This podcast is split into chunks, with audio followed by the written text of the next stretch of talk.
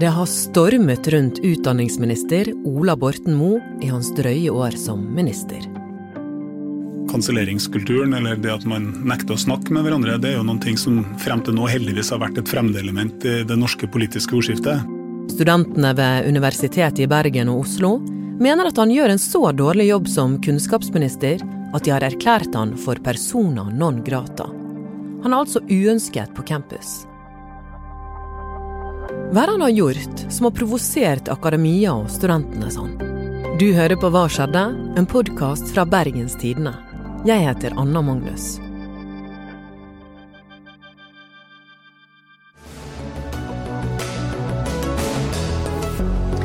Studentparlamentet ved Universitetet i Oslo vil ikke vite av Ola Borten Moe. Erklærer ham for å være persona non grata. Pubertalt er statsrådens egen reaksjon.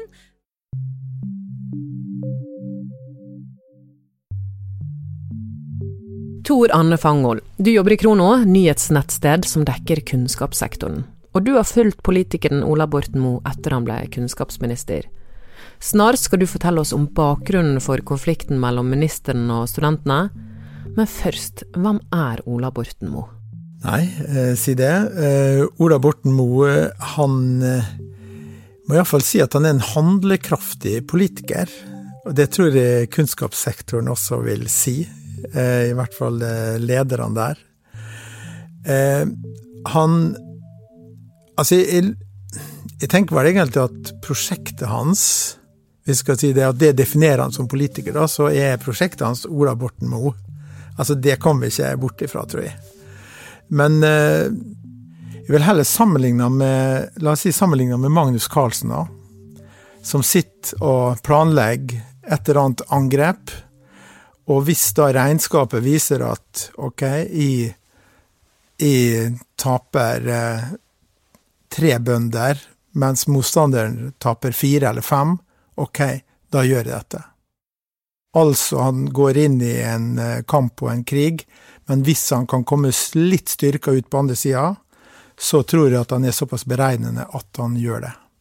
Jeg tror han er en nokså kalkulerende politiker, og, og kalkulerer da også med at makta rår, og ser at han kan styre gjennom det.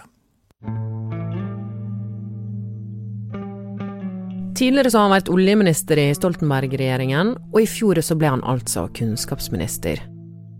Hvordan tok folk det at han ble kunnskapsminister? Det var iallfall i kunnskapssektoren veldig overraskende. Det var jo veldig raskt eh, reaksjoner som man ikke hadde sett før, som var, som var negative.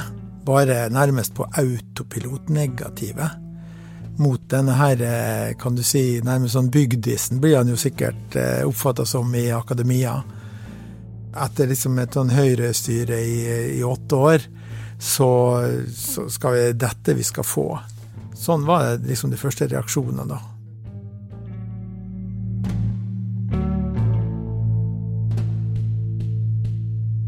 Ja, Tor så hva gjorde Ola Borten Moe når han tiltrådte som utdanningsminister? Han eh, tok med seg det som vi kalte før for sunt bondevett, inn eh, i en sektor som eh, er veldig komplisert. Og så eh, er han jo en smart fyr, så han satte seg inn i eh, mange deler av det vi kan kalle forskningssystemet, da. Og så så han på noen av det han syntes var, kan du si, mest ulogisk, eller verst, eller hva vi skal si.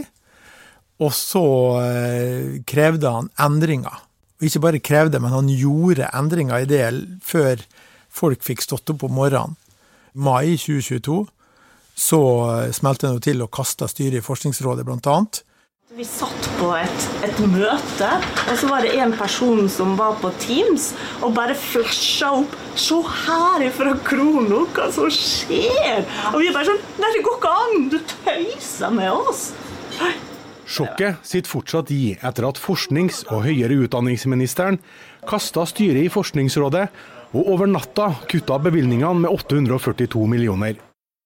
Ingen hadde vel sett for seg at man skulle kaste styret i Forskningsrådet, men det gjorde man da med bakgrunn i en økonomisk analyse Der vises at praksisen til Forskningsrådet når det gjaldt håndteringen av disse forskningsmidlene, den var ikke i tråd med regelverket. Som igjen sa, han er en eh, skikkelig spiller i politikken, og da, når han fikk den analysen på bordet som sa at her er det noe formelt galt, som det viste seg senere kunne fikses med en, egentlig med en enkel fullmakt. Når han fikk det på bordet, så brukte han anledningen til å bare hive denne håndgranaten inn.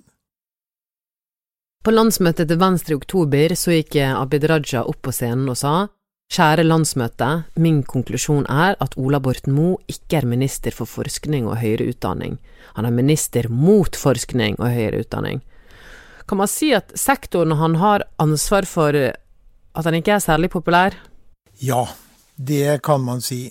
Altså, det, det har aldri vært en så tydelig kritikk av en statsråd som det har vært her. Det, det må vi kunne si. Pluss at jeg tror det har sammenheng med hvilket parti han kommer fra. For at dette her er ikke kunnskapssektoren sitt parti. Beklager, Senterpartiet, men det er de faktisk ikke. Og derfor så var det òg en veldig stor skepsis. Ja, og nå har studentene ved Universitetet i Bergen og Oslo ment at Ola Borten Moe gjør en så dårlig jobb som kunnskapsminister at de har erklært han for persona non grata. Han er altså uønsket på campus. Hva er det som har skjedd, egentlig? Det er flere ting, men altså det som eh, Det, det er jo det alle studentene alltid kjemper for, er jo denne, den normale studiestøtten.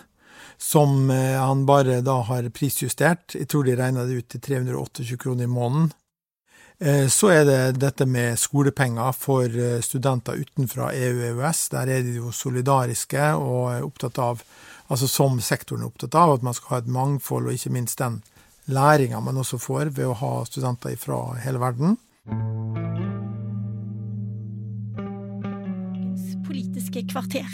Mange har fått med seg at eh, forskere, studenter og flere partier i Stortinget reagerer på at utenlandske studenter som kommer utenfra EØS-området, heretter skal begynne å betale for studiene i Norge. Men så kjøres det sånne undersøkelser eh, som heter SHoT-undersøkelse, som handler om hvordan studentene har det. og Der viser det jo at det eh, den psykiske helsa, den sliter de med. Da Studentenes trivsel og helseundersøkelse kom ut nå i høst, så sa den at én av fem studenter har slitt med selvmordstanker. Det er et høyt tall. Og til det så svarer Ole Borten Moe at majoriteten har det bra. Og det handler om at vi forventer at Ola Borten Moe som studentenes minister eh, tar situasjonen vår på alvor og møter oss. Og som han møter oss eh, så langt, så eh, inviterer han ikke akkurat til tillit. Det er min jobb å si fra om at innenfor knappe ressurser, der det er slutt på den tida at vi bare kan bruke mer og mer oljepenger for å bevilge oss ut av ethvert problem, så er det regjeringas jobb å prioritere på makroen eller i stort.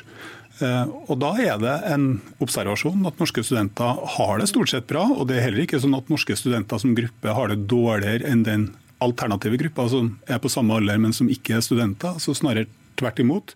På denne Dagsnytt 18-episoden vi nettopp hørte, så sa Ola Borten Moe at han følte seg kansellert. Men de møttes jo like fullt til en debatt. Og der peker Oline Sæther, leder for studentparlamentet ved Universitetet i Oslo, på at det er måten han møter de på. Så hva tror du dette handler om? Er det omorganisering, penger eller retorikk? Jeg tror det handler egentlig mye om retorikk. Og så er det selvfølgelig Vi er i en litt spesiell situasjon.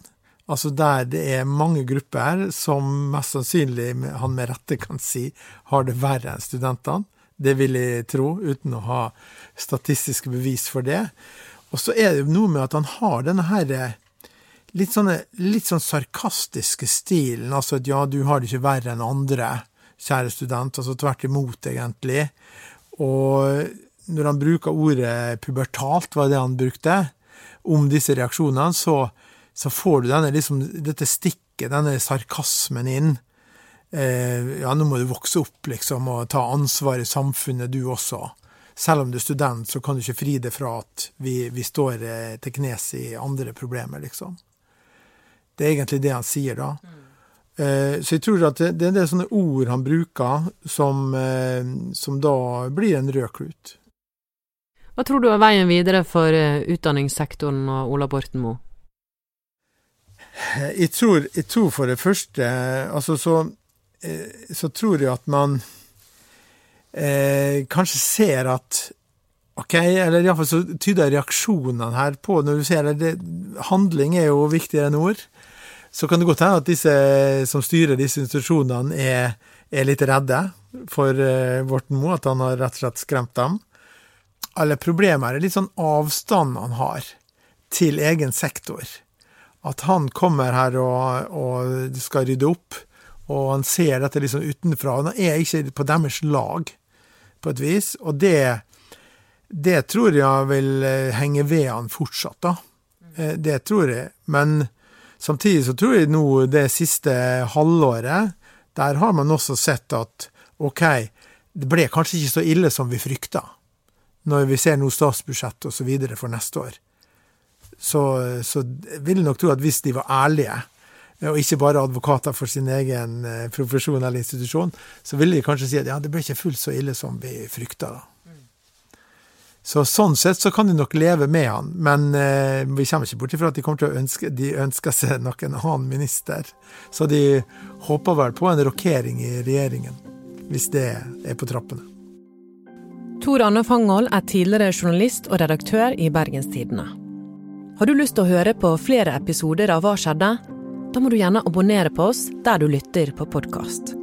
Og har du tips eller saker du vil ta opp? Da vil vi gjerne høre fra deg Send oss en e-post på hva skjedde bt.no. I denne episoden så har du hørt klipp fra NRK. Denne episoden av Hva skjedde? Den er laget av Arvestigen, Tonje Aursland og Anna Magnus.